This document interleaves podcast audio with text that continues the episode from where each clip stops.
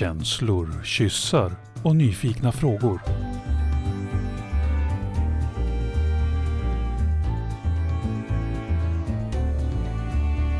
Pollyprat med Minna och Karin. Hej alla Polypratslyssnare. Jag vet att ni sitter där ute och väntar på någonting härligt den här fredagen och det ska ni få. Idag ska vi få ha ett samtal med Peter och vi tror och hoppas att det här samtalet kommer att beröra många, för det gjorde det när vi provpratade för några dagar sedan. Vi vill inte sluta. Så nu får vi väl se. Hej Peter, välkommen! Hej, tack så mycket. Jag som sitter på Gotland, jag sitter och tittar ut på en vår som liksom håller andan lite. Vintergäcken ute och snödropparna och så blir det så där frostigt och kallt på nätterna och så backar jag lite. Och... Hur är det där du sitter Peter? Jag sitter och tittar ut över Vasaparken. Massa människor i rörelse. Ja, våren är väl knackar på, absolut. Och du Ramina, du är ju någon helt annanstans. Jag är inte ett dugg avundsjuk. Jag är fortfarande i Spanien. Vi har precis genomlidit en sandstorm här från Sahara. Allting insvept i röd lera. Det är också så här helt bisarrt. Liksom. Mm. Ja. ja. Så från röd lera till Vasaparken och vintergäck och snödroppar på Gotland.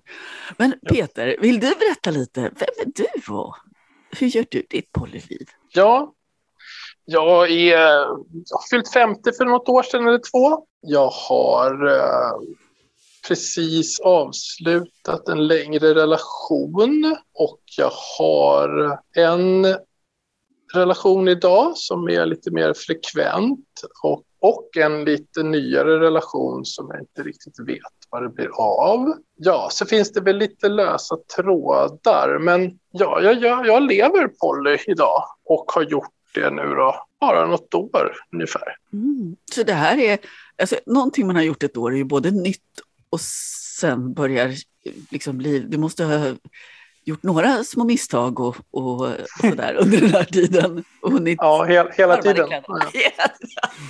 men alltså det är väl nytt. Samtidigt så känns det som, eh, alltså relationer har jag gjort eh, hela mitt liv. Jag har varit eh, seriemonogam kan man säga. Och på ett sätt så känns det inte så stor skillnad att göra polyrelationer eller att göra monorelationer. Men, så samma saker är liksom i spel, tycker jag. Mm. Mm. Så på ett sätt känns det nytt och på ett sätt inte så nytt.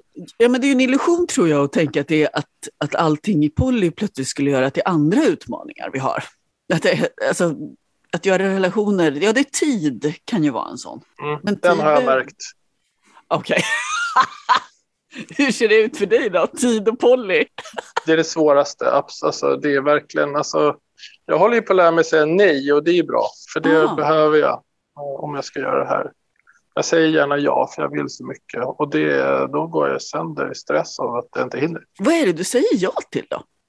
För jag menar, du kan ju inte säga ja till allt, och det, det, kan ju ingen människa, men, men är det i relationer eller? Ja, alltså det är så många spännande um, människor som uh, kan och vill ses och det, jag vill också det. Känner du att du är polyamorös? Uh, är det det som har, du har hittat till det här sista året? Ja, alltså på ett sätt har det, har det alltid funnits. Uh, jag känner att jag inte har hittat, hittat ett relationssätt som uh, funkar för mitt sätt att känna och uppleva liksom, världen tidigare. Så ja, jag skulle nog säga att jag håller amorös om man med, med det menar att man kan ha känslor för flera personer samtidigt. Så ja, det har jag alltid haft. Mm. Är det bara känslorna eller är det även sexualitet? För jag tycker att polyparaplyet vi i, i polycommunity så kommer ju den diskussionen ofta. Liksom. Känslorna, mm. sexualiteten, var befinner du dig i den? Alltså för mig sitter de så tajt ihop. Jag började min resa mot öppet relaterande genom den sexuella vägen, men det var liksom inte riktigt jag. Och då var det bara sexuellt flersamt. Och det var liksom inte riktigt jag. Utan jag kände ganska starkt att jag behöver få koppla på andra känslor också. Både kärlek och vänskap. Och, ja, det sitter liksom ihop. Jag, kan inte, jag klarar inte av att dra isär det där. Menar du att det fanns en sån uppfattning? Var det i den relationen du var i då på något vis, att det skulle separeras? Ja, alltså det är precis. Den vägen kom, kom jag in i polybiten som vad ska man kalla det, polysexuellt kanske. Swingerslivet? Ja, den vägen också. Uh, inte nödvändigtvis det man traditionellt kanske tänker sig med swingers, att det bara är par som träffar andra par och sånt där. Utan det sexuella var aldrig svårt eller jobbigt uh, rent monomässigt så att säga. Det var den enkla biten. Men jag kände tidigt att men jag, jag vill bli kär, eller jag blir kär. Vad ska jag göra då? Eller hur? Det, där, inte, för det är så kul det där, får jag bli så här? Ja, det händer, alltså för många av oss händer ju det. Ja. Utan att det är så svårt att förhandla bort. För, för du pratar om det ibland, Minna, det här med att mata eller inte mata eh, känslor. Ja, man behöver ju inte agera på känslor. Man, kan, man har ju, tycker jag, att man har någon form av både ansvar och makt över sitt eget känsloliv. Även om känslor finns där så har man ju ett ansvar att ta hand om sina känslor och välja att agera eller inte agera på dem. Det är ju inte som att oj, jag, jag blev kär, jag är ett offer för det. Mm. Nej, men jag tycker att det är mer som om jag ska ha ett öppet relaterande så vill jag få bli kär om jag blir det. Annars så blir liksom det öppna relaterandet inte så mycket att ha för mig. Så mm. är det mer för mig. Så jag, det är liksom mer ett medvetet val. Att, men, ska jag komma någonstans i, i relationer med flera så behöver det få bli som det blir och inte vara bestämt innan att men, det här ryms och det här ryms inte. Mig gav inte det så mycket. Mm. Mm. Och då varför då hålla på med allt? För det är ju jobbigt och eller det kostar ju på att göra relationer. Varför hålla på om det inte ger något? Eller hur? Ja, om du skulle tänka på det där, det kostar att göra relationer. Det kan ju låta som att det är någon slags så här, ja, in i selen och dra.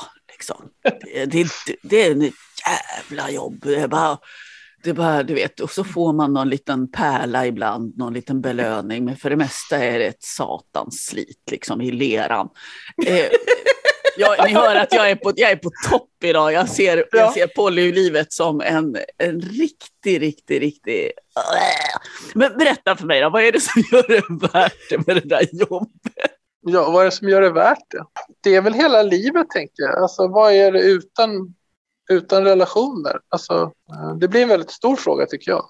Vad är det som gör värdet i det? Utan andra så, eller utan nära relation till andra så blir det ju väldigt tomt, mm. tycker jag. Sen om det är så att man kanske hittar rätt person där, där, ja, men som, där liksom attraktion och behov av andra automatiskt försvinner för att det, allting bara funkar. Och då är det väl fantastiskt, tänker jag. Mm grattis. Liksom. Och låt det vara så. Det är väl en typ av, av, av mono. Jag, tänker, jag har ju tänkt så här. Det är egentligen helt korkat att dela upp det i mono och poly. Det funkar inte för mig. Mm. Det finns ju så himla många sätt att göra poly och det finns så himla många sätt att göra mono. Så det är någon slags flytande skala ifrån liksom, ja men det där kanske som jag sa nyss kanske är den renaste form, formen av monogami. Då. Att det, liksom, ja, men det, bara är, det bara är så rätt så att allt annat försvinner. Men det tycker jag är en fas. Va? Jag är 48 år, jag har fan varit kär. Men det, alltså sådär galet. Du försvinner försvinner allting annat för dig då? Eller, eller är det bara att det inte ryms? Liksom? Det är en jättebra fråga. Jag tror att det är så att under förälskelsefas, om jag kan gå in i den sådär totalt som jag det, det, väcker den här tanken i mig. Att jag kan gå in i att umgås med en person jätte, jättemycket och bara, bara flöda på i det. Då krymper utrymmet för andra saker. Alltså det blir mindre tid till vänner, det blir mindre tid så här. Men jag har ju gjort det en gång när jag var 16, att jag i princip gick in i en relation och lät allt annat vara liksom, du vet, på tionde plats. Det var det var Martin, Martin, Martin, Martin, Martin, Martin och på tionde plats kom typ mina föräldrar och mina bästa vänner. Och, liksom, och det, var, det var helt outhärdligt för den här stackars människan att bära. Det går bra under en kort tid och sen hade jag så otroligt svårt att skruva om det där eftersom relationer, precis som du sa innan Peter, relationer i plural är ju det som liksom för mig en av de sakerna som gör det värt att leva. Genom den här expansionen som jag gjorde så krympte jag ihop alla andra relationers livsutrymme. Och det går under ett tag, men inte allt för länge. Därför att det blir syrefattigt. Jag trodde ju att när den här expansionen hände, jag fick under den första tiden mer syre. Alltså det blev så här, du vet, jag kan äntligen, äntligen bara få blomma ut i att älska så här mycket. Och sen blev det ju syrefattigt i alla fall. Och framför allt blev det syrefattigt för den andra personen före det blev det för mig. Och, och då kommer vi till den här första, det här avstånd och närhetsdansen kan man säga. Och den sker ju i alla relationer tror jag. Oavsett om det är barn eller vänner eller vad det är. Och det jag gjorde då var ju att jag gick in i den här enorma närheten och då så tog jag ju avstånd i de andra relationerna mer än vad de tålde under lite för lång tid. Så det var ju den första liksom, lektionen för mig i att för mig som då kan bli så där galet uppslukad, jag fick lära mig att nej men så här mono kan inte jag vara. På riktigt så, liksom, så tar syret slut för andra. Alltså så mono som jag blev då, det var i alla fall inte bra för mig. Men jag tror det. Jag tror att det är därför liksom mono, man behöver normer, överenskommelser och sådana saker för, att få ihop det där. För jag tänker, man kan ju också stänga av sina, alltså efter ett tag då säger vi, att förälskelsefasen är över så eh, börjar vakna till igen, nyktra till. Så någonstans så kan jag välja att, att liksom stänga av känslor och behov för andra och vara helt okej okay med det. Ja, men det här är okej okay för mig, eller hur? Det är inget konstigt. Jag sätter inte ens ord på känslorna eller behoven. De får bara, de får bara vara. Tänker. Eller så kan jag vara öppen med mina känslor och sätta ord på dem till min partner och prata om det. Men vi kommer överens om att ja, men, vi känner så här, men vi gör ingenting av det. Utan nu är vi vi och så är, liksom, är vi okej okay med att vi på något sätt kanske begränsar varandra till och med i det. Liksom att, ja, men nu, nu mm. lever vi så här. Mm. Och bara där har vi kanske tre olika lager av, av hur, hur gör man mono. På vilket sätt har du gjort det Peter? Jag har haft Eh, långa relationer och det har liksom förändrat sig under tiden i den där relationen. Från början så har nog verkligen varit i det här att allting känns så fantastiskt och rätt och alla andra behov försvinner och sen så går det tid och så kommer det grejer och sen det har nog gått igenom alla faser att bara stänga av dem till att hitta dem men inte berätta om dem. Jag kanske skäms skäms en del för mina behov och vad jag känner och så. Allt och sen börja prata om dem och se hur svårt det är. Då. Och sen på något sätt ja, till att öppna upp oss då. Men nu både prata om dem och sen säga så här, men okej, bra, då får de finnas. Så, så det är väl liksom massa olika och det sista är väl någon slags poly då. Ja, det var där det landade. Ja, det landade där då på något sätt och det är därför jag menar, liksom för mig att prata mono kontra poly är liksom lite svartvitt tycker jag. Jag tycker att det är en gråskala som, som går ifrån, ja, kanske kontakt med sina egna känslor och såklart då de behoven som ligger under känslor till att bestämma om man ska göra någonting av dem eller hur man ska hantera det. Och hela tiden så ökar liksom kravet på att jobba med sig själv och kommunikation. Mm. Du sa någonting där, behovet som ligger under känslorna. Där kände jag att jag... Mm, mm, mm, alltså det, är ju, det är ju väldigt många som i, i så här polysammanhang, och så, så återkommer det ju ofta att människor eh, skriver och säger att jag är en sån dålig poly. Jag kan inte. Jag känner för mycket dåliga känslor när jag är poly. Jag eh, jag kan inte leva upp till den här normen. Jag skulle aldrig kunna göra det där. Jag är för dålig på att hantera de här känslorna. För svartsjuka är den första som jag ofta får höra i det sammanhanget. Ja, svartsjuka, men också alla andra känslor av, av dålighet. Att man liksom inte kan, är så bra på att kommunicera till exempel. Jag är inte bra på det, jag är dålig på det. Och det är någonting jag skulle vilja prata med dig Peter om idag. Den här känslan av att känna sig misslyckad Polly.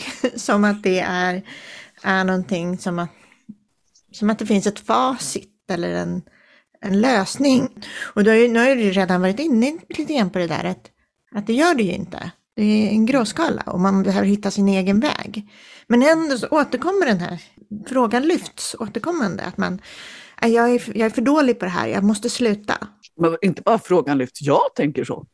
Mm. Jag tänker så. Jag, enligt, enligt någon slags yttre mall så lever jag ju ändå poly. Alltså, jag, jag gör det, men de tvivlen kommer i alla fall. Ja, Mm. jag gör det och jag tvivlar också hela, hela tiden. För mig har det nog varit mer, eller är mer, jag är dålig på att göra relationer. Alltså det spelar inte så stor roll om det är mono eller poly. Alltså någonstans, ja absolut. Eh, så här om man, om man tar steget från att inte låtsas om sina behov eller sina känslor, om man lyfter på den stenen, att jag har känslor, jag har behov och jag, som handlar om mitt sätt att göra relation, så blir det likadant oavsett om jag sen tänker vara poly eller, eller mono. Möjligen då att poly blir som någon slags blåslampa på alltihopa för att det är liksom, det går verkligen inte att ducka. eh, Eller, Eller hur? Det sig. belyses ju från olika håll. Ja. Alltså i den här relationen och här och där. Verkligen. Och det är mycket jag- svårare att ignorera mönstret. Och jag har varit svartsjuk och otillräcklig, avundsjuk, kontrollerande. Alltså så mycket så att jag kräks när jag tänker på, på det. Och mycket, mycket mer i monorelationer än vad jag har varit nu. Alltså senaste tiden så har det varit lugnare i mig än någonsin. Där öppnar jag att liksom verkligen veta vad jag har i mina partners och veta om vad det är jag ska förhålla mig till kontra mina fantasier om vad jag ska förhålla mig till som har varit min tillvaro i monorelation. Och nu, nu måste vi sakta in, för det går, Ja. du säger så kloka saker och, och det går väldigt Ja, det fort här för min långsamma lära hjärna. Det här, att det är någonting lite annorlunda att förhålla sig till en verklighet än monofantasierna. Det här är jätteviktigt.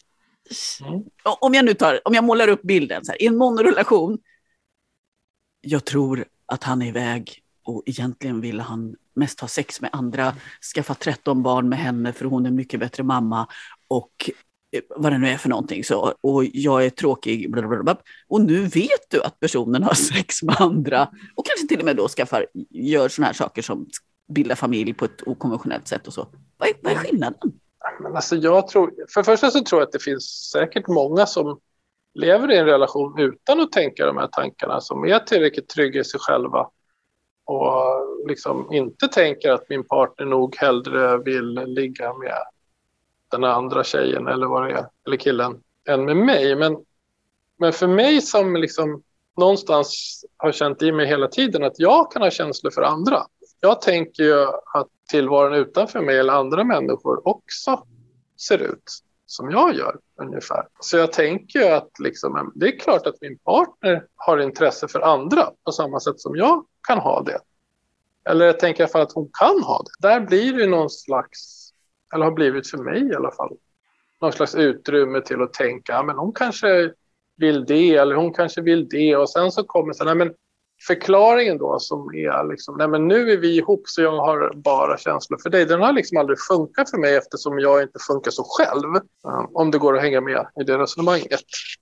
Gör det det? Så därför för mig så har det liksom varit en befrielse att slippa fundera på hur det är.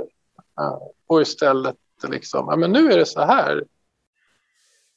Jag är liksom tänd på den här mannen eller vad det nu är. Så, så här, ja, fine. Det är lugnt. Det gör inte mig någonting alls. Det är liksom, vad, vad mysigt blir det till och med då. Det är liksom mycket mindre att hantera, eller har varit för mig i alla fall, än vad fantasierna var. De var mycket större. Mm. Så jag har ju brottats med svartsjuka och otillräcklighet där under och alltihopa i alla relationer igen. Det har aldrig varit lugnt bara för att man säger att nu följer vi en norm som säger att det ska vara så här. Det har aldrig gett mig en trygghet. Men den här tryggheten som är liksom, nu berättar vi för varandra vad vi tycker och känner och vill och kanske försöker ta reda på vad vi behöver till och med där under någonstans. Jag tror att behoven är grejen bakom allt. Det, det funkar för mig. Jag, jag, det är skitjobbigt, men eh, klart hanterbart. Jaha, oh, spännande. Hur ser det ut just, just precis nu då i ditt, i ditt relationsliv? Får du dina behov tillfredsställda eller vad händer? Ja, det får jag verkligen. Och ehm, ja, men det som händer är att jag, det blir ju liksom mer av mig hela tiden. Relationen med mig blir ju, själv blir ju mer och mer. Och ju mer jag vågar känna vad jag, vilka behov jag har, vad jag känner, vilka behov jag har, så, så ju mer dörrar öppnas ju till. Men vänta, det här är ju jag. Det här vill jag. Och det är ju super, alltså det kanske är den största, skulle jag säga så här. Om någon skulle fråga mig, men vågar jag bli poly så skulle jag nog inte säga svartsjukan. Jag skulle nog säga, ja om du, om du är beredd på att lyfta på locket till dina egna inre liksom, behov och, och lustar och allt vad som finns där.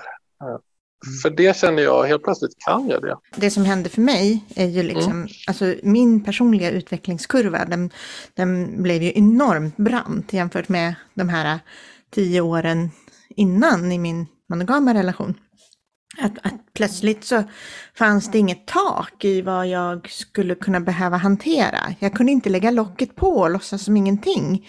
Lika lätt i alla fall. För att det var, det är liksom up in my face. Så att på det sättet så blev det annorlunda för mig ändå. Det blev en annan form av relationsliv och det blev mer att hantera. Eh, samtidigt blev det andra delar i mitt liv som bara lugnade ner sig. Vadå lugnade Men en, en, liksom en kamp med att hela tiden vara den bästa för min partner. Och hela tiden matcha varandra i våra behov. Och, och det liksom bara rann ut i sanden på något sätt när vi öppnade upp eh, och blev flersamma och fick liksom en annan syn på vad behöver vi hantera och vad behöver vi inte hantera hela tiden. Eh, Men det där hantera, Minna, är inte det, alltså, rymmer det också för dig att hantera dig själv, alltså det som kommer inifrån?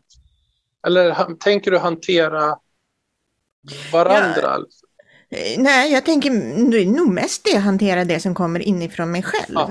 För att det är som i, då, i relation till Ulrik som jag levde med monogamt innan, så var det ju hela tiden liksom en kamp med att jag, ja det fanns massa saker, med alla de här sakerna som ni pratar om, att man känner sig oduglig, att man inte räcker till, att det, någon annan är snyggare, massa sådana där saker. Och det på något sätt, i den, de känslorna blev jag mer jämställd mot Ulrik när jag, när jag släppte känslan av att behöva liksom ja, men kämpa med mig själv i relation till honom. Eh, och, och då plötsligt så ser jag ju allting som är så bra mellan oss två. Vilket jag inte alls hade samma ögon för tidigare, utan då var det hela tiden en kamp med att jag aldrig hade de här självkänslorna, att jag aldrig räckte till för honom.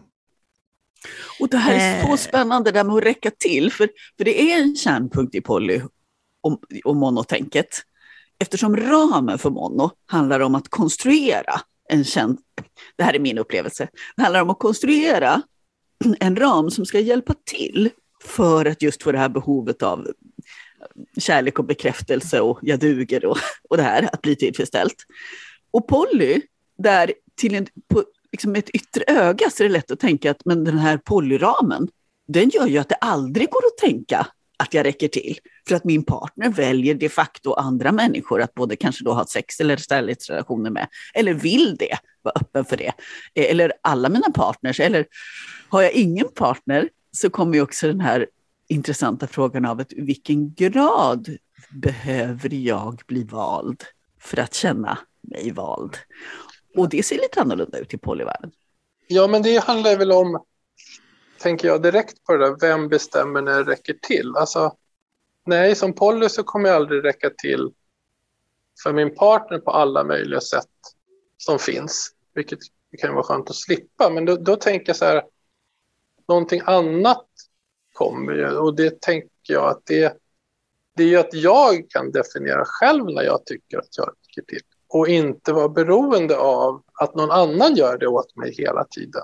Och då blir det ju liksom jäkligt skönt där inne i mig. Liksom att, ja, men, självklart måste jag ha tillräckligt mycket upplevelser för att spegla mig och känna att jag duger, att jag räcker till och att jag är en bra älskare och allt vad det nu är liksom, som ska vara.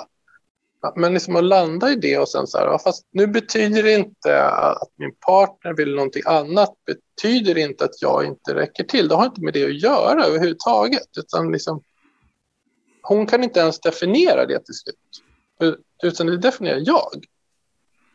Jag behöver inte den andra. Det som jag känner att jag har svårast med med mono, det är att jag vill inte vara allt för någon annan. Alltså det, jag är så trött på det. Och ha den där kämpandet att det är liksom Det är min uppgift att min partner ska känna att hon duger. Och känna så här, nej, det är det inte.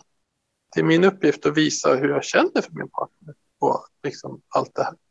Men inte andra är inte mitt jobb. Och så tycker jag att det är mononormen. Att det är liksom, nu, nu är det vi, vi kommer överens om det och nu jäklar är, jag upp ansvarig för, för allt det här. Liksom. Men det var väl precis det som jag eh, kände att jag kämpade med.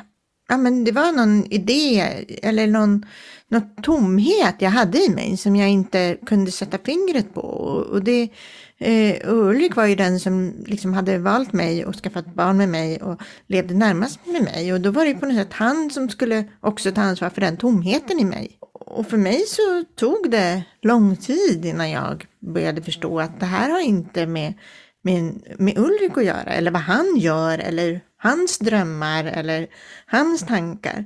Så för mig var det ju också, skulle jag säga, en mognadsprocess till att komma dit. Inte bara någon form av vara eller icke vara, utan jag kunde inte se det här. Och han kunde inte sätta ord på det heller. Utan då blev det liksom en kamp bara. Och det har jag ju jobbat med och det, jag är så otroligt tacksam med den personliga utvecklingen jag har kunnat göra. Och jag, jag skulle vilja säga att själva öppnandet för att ha flera människor i mitt liv har varit avgörande, har varit det som har verkligen fått mig att behöva hantera alla de här bitarna eh, hos mig själv. Eh, och sen har det gått mer eller mindre bra. Eh, och det har tagit tid, men det är inte som att det liksom gick från det ena till det andra, utan det är ju som du Peter nämnde, det här är ju en gråskala, det är en process. Så jag, eh, först försökte jag ju också leva upp till någon norm inom poly och så misslyckades jag med det och var en dålig poly som inte levde upp till alla de här vackra idealen jag läste om i de fina böckerna. Vad var då för ideal? Vilka då? Nej men, nej men, liksom, nej men tankar på att eh, men relationer är helt separata, man ska inte jämföra, man ska inte, eh, man ska inte ha så stora behov från någon annan till exempel. Man ska inte eh, bli svartsjuk. Man ska inte bli svartsjuk såklart. Eh, alla de här små sakerna som man matas. Man ska aldrig ha hierarkiska relationer. relationer ska, den ena relationen får aldrig vara mer värd än någon annan relation. Fail, jättesvårt. Eh, så ser inte verkligheten ut. Även om hierarki är ett tufft ord så, som man kanske inte vill använda. Så för mig gick det inte att leva upp till ett ideal om att alla människor som finns i mitt liv är exakt lika mycket värda. Eh, så funkar ju inte verkligheten och då, då misslyckades jag. Gjorde du det då? Alltså, alltså det där tycker jag är så spännande, att man misslyckas. Alltså, jag misslyckas hela tiden tror jag i, med, med det där sättet att se det. För det första så är jag kanske i grund och botten en av mänsklighetens svartsjukaste människor. Liksom. Och... Okay, ja, vi kan tävla. Du och jag, vi kan... jag ser det framför mig och bara, Ja, men jag blir triggad av det här lilla. Och jag blir triggad av bara det där. Ja. Vi kan tävla sen. Och någonstans så tänker jag att jag, jag känner väldigt annorlunda idag i mig. Uh, det visar sig att för mig så var liksom steget från svartsjuka till medglädje jäkligt litet. Uh, väldigt litet. Uh. Vad kul för dig. Ja. Men, men det betyder också att det kan trilla tillbaks. Alltså, ja. åt andra hållet. Men jag tror man känner väldigt mycket. Det, det är samma, det är samma, samma känslospektrum. Tror jag, eller liksom de känslorna.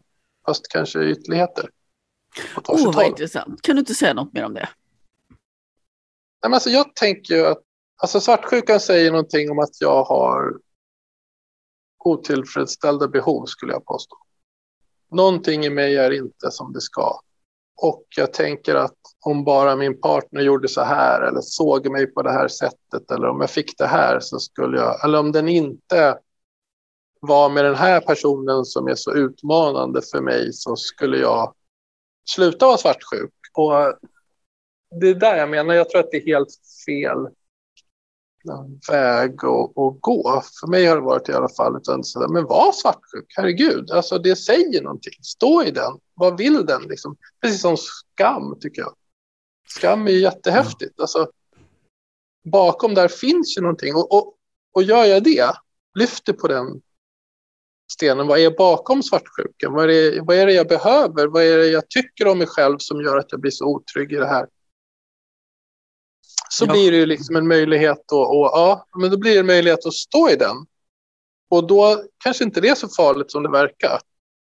Men jag skäms dessutom för att jag är svartsjuk om vi nu ska platta liksom, para Ja, ihop de där precis. sakerna. Och- och Skammen det är kommer ju hela tiden. Ja, men då tänker jag så här, vad häftigt, vad häftigt att du skäms. Liksom. Coolt. Så, det är bara Men det berättar ju någonting, eller hur? Ja, det där, att det blir verkligen. starkt. Ja. Ja, det blir jättestarkt. Men, men trycker jag bort svartsjukan eh, och säger nej, men den får inte finnas. Då trycker jag också bort liksom grunden till riktig medglädje. Det är så jag menar. Alltså för, för jag tänker att jag lägger ett lock på om jag trycker bort svartsjukan och jag tänker att det locket inte bara kan täcka en viss bit av samma känslospektrum utan det täcker alltihopa. Du kan inte lägga ett litet, litet lock på svartsjukan utan att samtidigt lägga ett lock på medglädjen. Så tänker jag.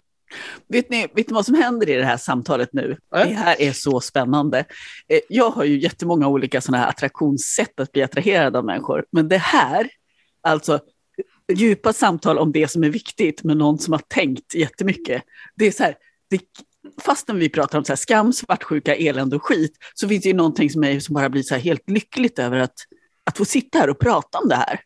Så det är också en sån här spännande reflektion jag kan ha, att jag bara blir så här, jag blir helt glad över både dig Minna och över dig Peter, att det går så här, att det här som är så svårt och som är så starkt och som är så jobbigt går att hitta kloka livsbejakande saker ur. Jag pratar ofta om det, så här, tänk vad många manligt kodade personer, vad de skulle veta, var otroligt relationsskapande det här är. Att prata om det som är jobbigt på riktigt. Det är så otroligt, otroligt, otroligt viktigt. Har du alltid gjort det, Peter?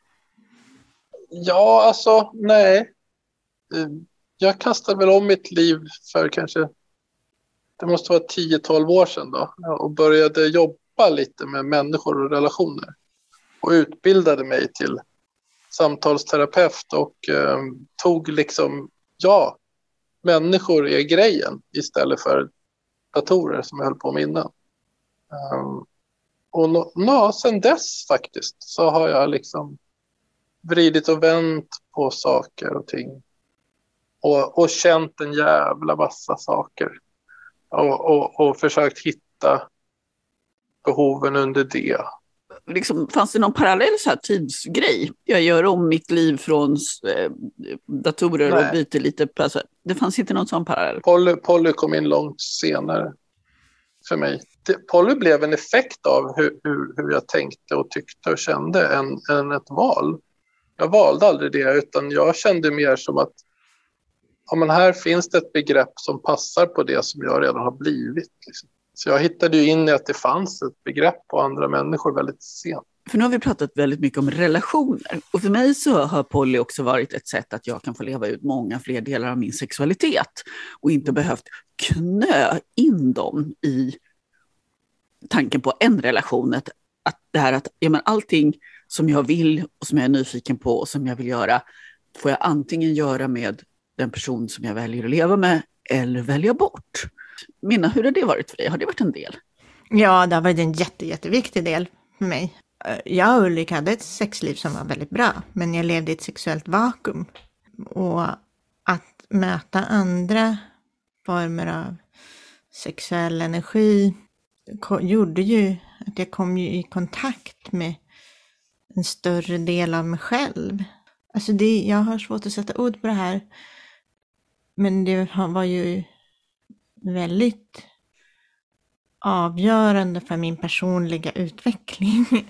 Eh, och också för att komma åt en del skam över mig själv som jag då kunde känna i den, eller enda sexuella relationen jag hade innan.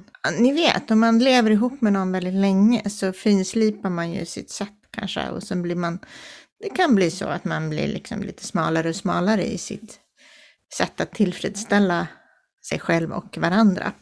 Men herregud, jag tycker det är en sån enorm skillnad även i det sexlivet som jag har med den partner som jag har varit tillsammans med snart 25 år. Efter att vi har öppnat, därför att det är andra impulser som kommer in. Efter att de impulserna kommer så går det inte att låtsas om som att allting är exakt precis som förut.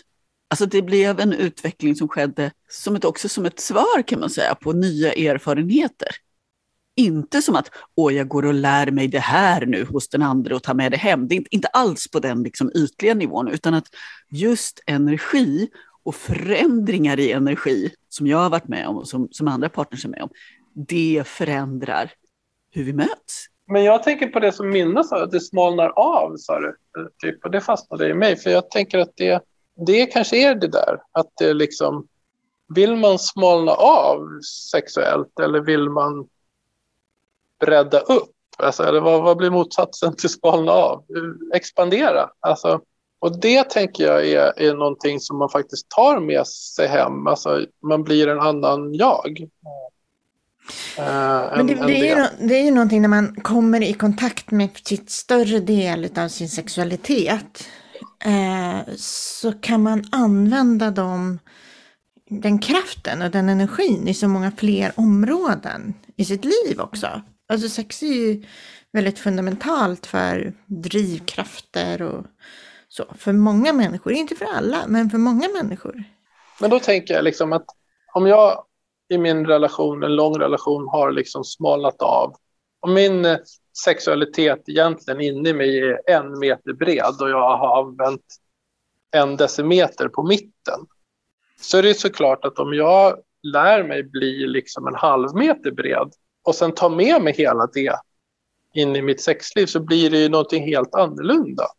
Det har jag tyckt varit jättetydligt att det är liksom, mm. oj, apropå skam och sånt, liksom, får man göra så här? Hur, hur ser ens min sexualitet ut? Ja, hur ser det... den ut? Liksom? Har, det, har det förändrats? Ja, det har det verkligen gjort eh, skulle jag säga. Men jag tänker, eh, på den, du har ju haft en period Peter där du har eh, varit liksom öppen sexuellt. Mm. Men inte, ja, tanken var väl att det liksom skulle stanna då vid det sexuella. Fungerade mm. det då? Som ett, liksom, att paletten blev större också. För mig, för mig gjorde det ju inte det eftersom det visade sig att det här liksom, traditionella liggandet inte var den största biten av min sexualitet. Även så att om, det, om man förde in flera personer i det så blev inte det blev inget bra för mig. Eller det, det gav inte mig så mycket. Mm. Uh, däremot om man började titta på liksom, ja, men, jag har gått mycket tantravägen, mycket energier i kroppen. Jag förstår att det finns, hur det ska släppas ut. Även gått BDSM-vägen och var väldigt förvirrad i bägge de här sammanhangen. Eh, tills jag liksom började förstå mina inre energier och mitt eget flöde. När det kom på plats så föll alla andra bitar på plats också. Liksom. Då började jag förstå både BDSM och tantra och och, och traditionell sexualitet. Allting blev begripligt utifrån mig på ett annat sätt.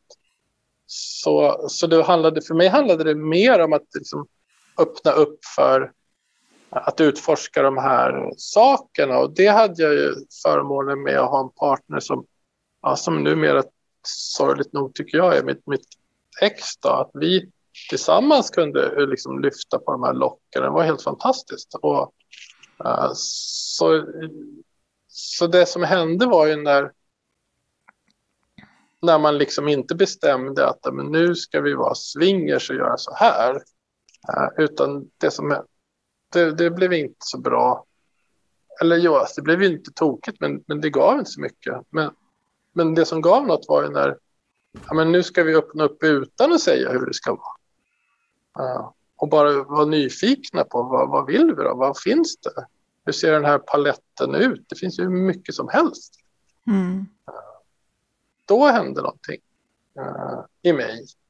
Och då kom, ur det kom också ett lugn som faktiskt uh, har gjort att jag inte känner mig så speciellt hotad av andra. Det, jag är liksom jag. Och jag, och jag vet att det är uppskattat. Jag är ganska ja, väldigt stor skillnad på att försöka vara något som man borde vara eller på att försöka vara. Men jag, jag är liksom x antal år och vet inte hur jag, hur jag riktigt funkar, hur jag är kopplad i min sexualitet och sen står ju mm. det och ser vad som händer. Liksom. Det var wow. Och det hade aldrig gått i en monogam relation. Vi pratar ju väldigt mycket om växande här i, i det här samtalet. Och... Ja, det gör vi nog. men, ja, men, ja, men vi pratar om att förstå större delar av oss själva och vad, vad det är som händer i mig själv och komma i kontakt med de här svarta delarna hos sig själv och förstå dem och vad drivkrafterna är och sådär. Och jag tänker, jag har ju träffat många inom Eh, som gärna har flera relationer men som egentligen inte är särskilt intresserad av sin egen personliga utveckling.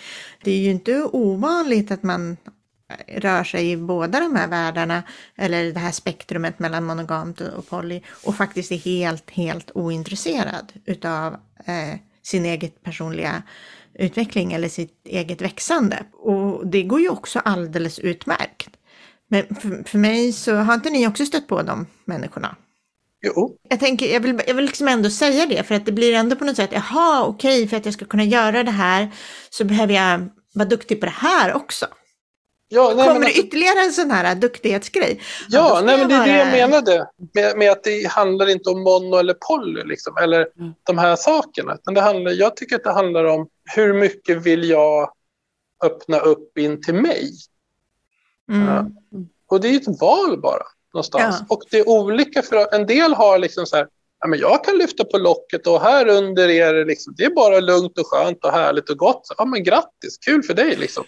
Ja, ehm, eller, eller jag låter bli att lyfta på locket men jag ja, gör det här ändå.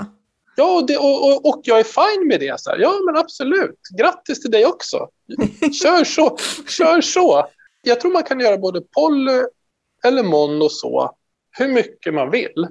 Utmaningen blir om man träffar en partner som vill annorlunda. Alltså för jag tänker att det där är en ömsesidig överenskommelse. Jag kan inte göra relation med någon som inte vill lyfta på locket. För att jag vill lyfta på locket och då blir det liksom fel. Så länge man är genuint okej okay med att ha locket kvar respektive att lyfta på locket så, så kommer det funka oavsett om det är mono eller poly. Det har ingen betydelse. Mm. Jag tror att det är där skillnaden är. Så vi säger ofta så här, men jag kan inte göra poly för att jag skulle inte klara, jag får höra det ofta, jag skulle inte klara av det, jag skulle inte klara av påfrestningen och så här. Mm. Det brukar väl ni också höra antar jag. Mm. Mm. Mm. Och då blir det liksom, ja, men det kanske inte har med poly att göra, utan det kanske är, jag vill göra relation utan att grotta i de här grejerna. Liksom. Vilket är tusen procent fine. Men jag tror att man kan göra det som poly också. Mm. Men jag tror inte att man kan göra relation olika. Jag tror inte att vi kan tycka helt olika av de där sakerna och sen göra en relation med varandra. Det blir bara en kamp om vem som ska bestämma. Alltså jag tycker att det här är så viktigt att säga. För att jag ser ju människor ja, men, kämpa med att öppna blocket och hantera de känslorna fastän de kanske inte, egentligen mår dåligt av det och, och inte har eh, liksom utrymme att hantera det och faktiskt kanske inte egentligen vill heller. Eh, men på något sätt har en idé om att ska jag göra poly och ska jag ha de här på det här sättet så behöver jag göra det här. Eh, och då fastnar man ju i någon, någonting, någon idé som eh, snarare än att följa det man själv behöver och längtar efter. Um, Ja. Men, men, äh, det här med tid måste jag också lyfta in i det där, för att, mm. för att eh, det är något som jag återkommer till ofta. Jag har en tilltro, där det finns en process så har jag mycket lättare att stå ut med att det, att det tar tid. Om jag känner någon slags riktning. Det är ju inte så att jag, krä, jag på något enda sätt skulle kräva att åh, jag skulle behöva att eh, saker och ting har löst sig inom tre månader. Eller vad det nu skulle vara för någon konstig tid eller sådär. Mm. Eh, ja, det finns ju enskilda saker där. Så det här, jag kan inte vara en relation om vi inte hittar en gemensam grund någonstans. Men, men ofta har det ju att göra med, vill du vara i process på något sätt? Sen kan vi pausa den processen när det är så här, ja, nu måste vi överleva, ungarna måste överleva eller det är liksom survival mode ett tag. Jag ansåg inte att det är saken och ting måste bli lösta nödvändigtvis, men de måste vara på väg. Jag har varit i en relation där vi typ processar sönder oss istället för att vi öste på så mycket. Eh, vilket är livsfarligt någonstans. Men, och hur kan det se ut? Ja. Men alltså, det blir för mycket gemensam process upplevde jag så här i efterhand. Att det blir så lätt att det handlar om hur jag är i förhållande till den andra. Eller liksom, när hon gör så här så blir jag så här. Och det där dansen kan man ju dansa mm. hur länge som helst och, och, och ha ihjäl den starkaste passionen och, och kärleken om man går in i den supermegaprocessen som det kan bli. Uh, jag tror att det smartaste vore att och liksom verkligen ta hem det som handlar om mig och, och, ta det någonstans utanför relationen också så att jag får en chans att växa. Växa till mig så som jag behöver på mitt sätt. Kanske konstatera liksom att men det, här är, det här behöver jag ta tag i för att funka i relationen. För det, det, ser, det är den enda anledningen till att hålla på och grotta. Det är att det ska funka. Att det är någonting som gör att det inte funkar idag. Annars finns det inte så stor idé att hålla på och grotta i det som har varit eller hur jag funkar. Liksom, skit i det, tänker jag. Men det är så uppenbart för mig att det, det ligger i vägen så mycket för ett fritt liv idag med mig själv. Ja, jag känner mig så träffad av det här. Det här, jag har ju verkligen hållit på med det här. Vad är det här? Inte jag. Jag har aldrig pratat för mycket i någon enda relation och jag har aldrig tagit upp saker och ältat dem så jävla mycket så att folk blir så trötta så att de typ... Jag säger ju bara så för att det är så jag har gjort hela tiden också, så att jag vet ju precis. mm. Ja, men också så här, om jag cirklar tillbaka lite till den här skillnaden mellan jag lägger över, för det, det har jag, jag har jättemycket tendenser till att göra. Jag eh, saknar dig, jag mår dåligt, jag får inte det jag behöver och du behöver ändra dig och göra på något annat sätt så att jag mår bättre. Och när mitt mål i processen är det, alltså när det är, det är det som ligger under i, det är det jag vill ha fram, då blir processen att den, inte ren. Att den andra ska göra annorlunda. Jajamän, då blir inte processen inte ren någonstans. Jag har, börjat på helt, jag har börjat på ett helt annat ställe än andra. Ja, ja, och framförallt har vi inte pekat på oss själva, vi pekar på den andra. Liksom. Alltså centralt just nu i mitt liv är att jag skulle vilja att människor flyttade hit och var med mig. Jaha, det, det betyder att jag har hoppat till någon slags lösning av det där grundläggande behovet. L långt innan jag har formulerat färdigt vad jag behöver. Jag vill bara mm. så här, proppa igen det här jävla hålet i mig med att, att helst ha människor så att fler personer kan vara typ inne på toa samtidigt som jag sitter på toa. Alltså så där nära liksom. Den där, bara lösa det med mer, mer närhet, mer. Och det, då har vi ju inte pratat precis här om, om mig egentligen. Vi har bara pratat om ångestdämpning kanske. Flykttankar, ångestdämpning och att inte på grunden gå ner i det där behovet utan lösningarna. Ja, men det, det är det som jag menade när jag tänkte också liksom att svartsjuka och skam är häftigt på något sätt. För jag tänker att oftast kommer känslorna först. Och eller står man i känslorna, då har man en chans att hitta behovet. Men ofta så dämpar vi ju liksom känslorna. Ditt behov är inte ens nära att få lampan på sig eftersom vi fixar känslorna. Symptomlindring menar du på något sätt? Ja, eller det är inte ens ett symptom. Alltså, det är ju en gåva på något sätt. Mm. Känslan är ju en gåva. Sen, sen symptomet eller problemet för mig har ju alltid varit vad jag tror att den här känslan betyder. Om jag blir svartsjuk på att hon är en romantisk middag med en annan så tror jag att det betyder att hon tänker lämna mig eller att jag blir ensam egentligen, så någonstans, eller vad som helst. Så där har jag hållit på. Men vad har jag för behov egentligen? Det blir ju helt omöjligt om jag fastnar i en spiral. Så jag har landat i, men tro på känslan men tro inte på det som du tror att den betyder. För det är inte säkert att det är sant. tro på känslan men tro inte, inte på, på betydelsen. Mm. Du känner att, sorg, du känner ilska, det är sant. Mm. Och så att inte gå in och tolka den och fixa upp den med hjärnan liksom på en gång. För den tolkningen är förmodligen... Ja, eller med ryggmärgen kanske till och med. Mm. Så gör jag. Jag tror att det, det betyder det här. Och så dämpar jag det och sen går man omkring utan, eller med massa behov som inte har ens fått se dagens ljus. Oh, uh, jag känner, uh, uh, Andas Karin! Hörni, vi behöver avsluta, men jag skulle jättegärna vilja fortsätta det här samtalet. För det ni säger nu väcker jättemycket känslor i mig, för jag känner spontant så känner jag att så där fungerar inte riktigt jag. Och det skulle jag gärna prata mer om nästa vecka.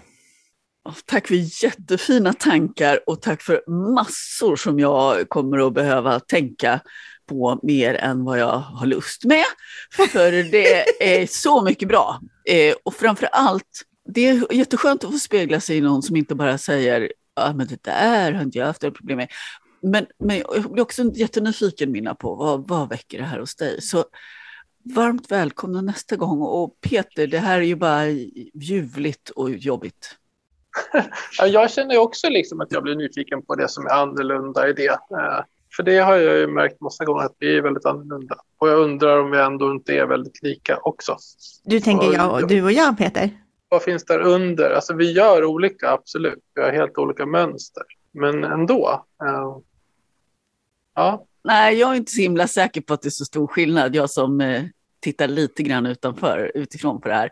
Hörrni, vi ses och hörs nästa vecka och då fortsätter vi att grotta okay. ner oss.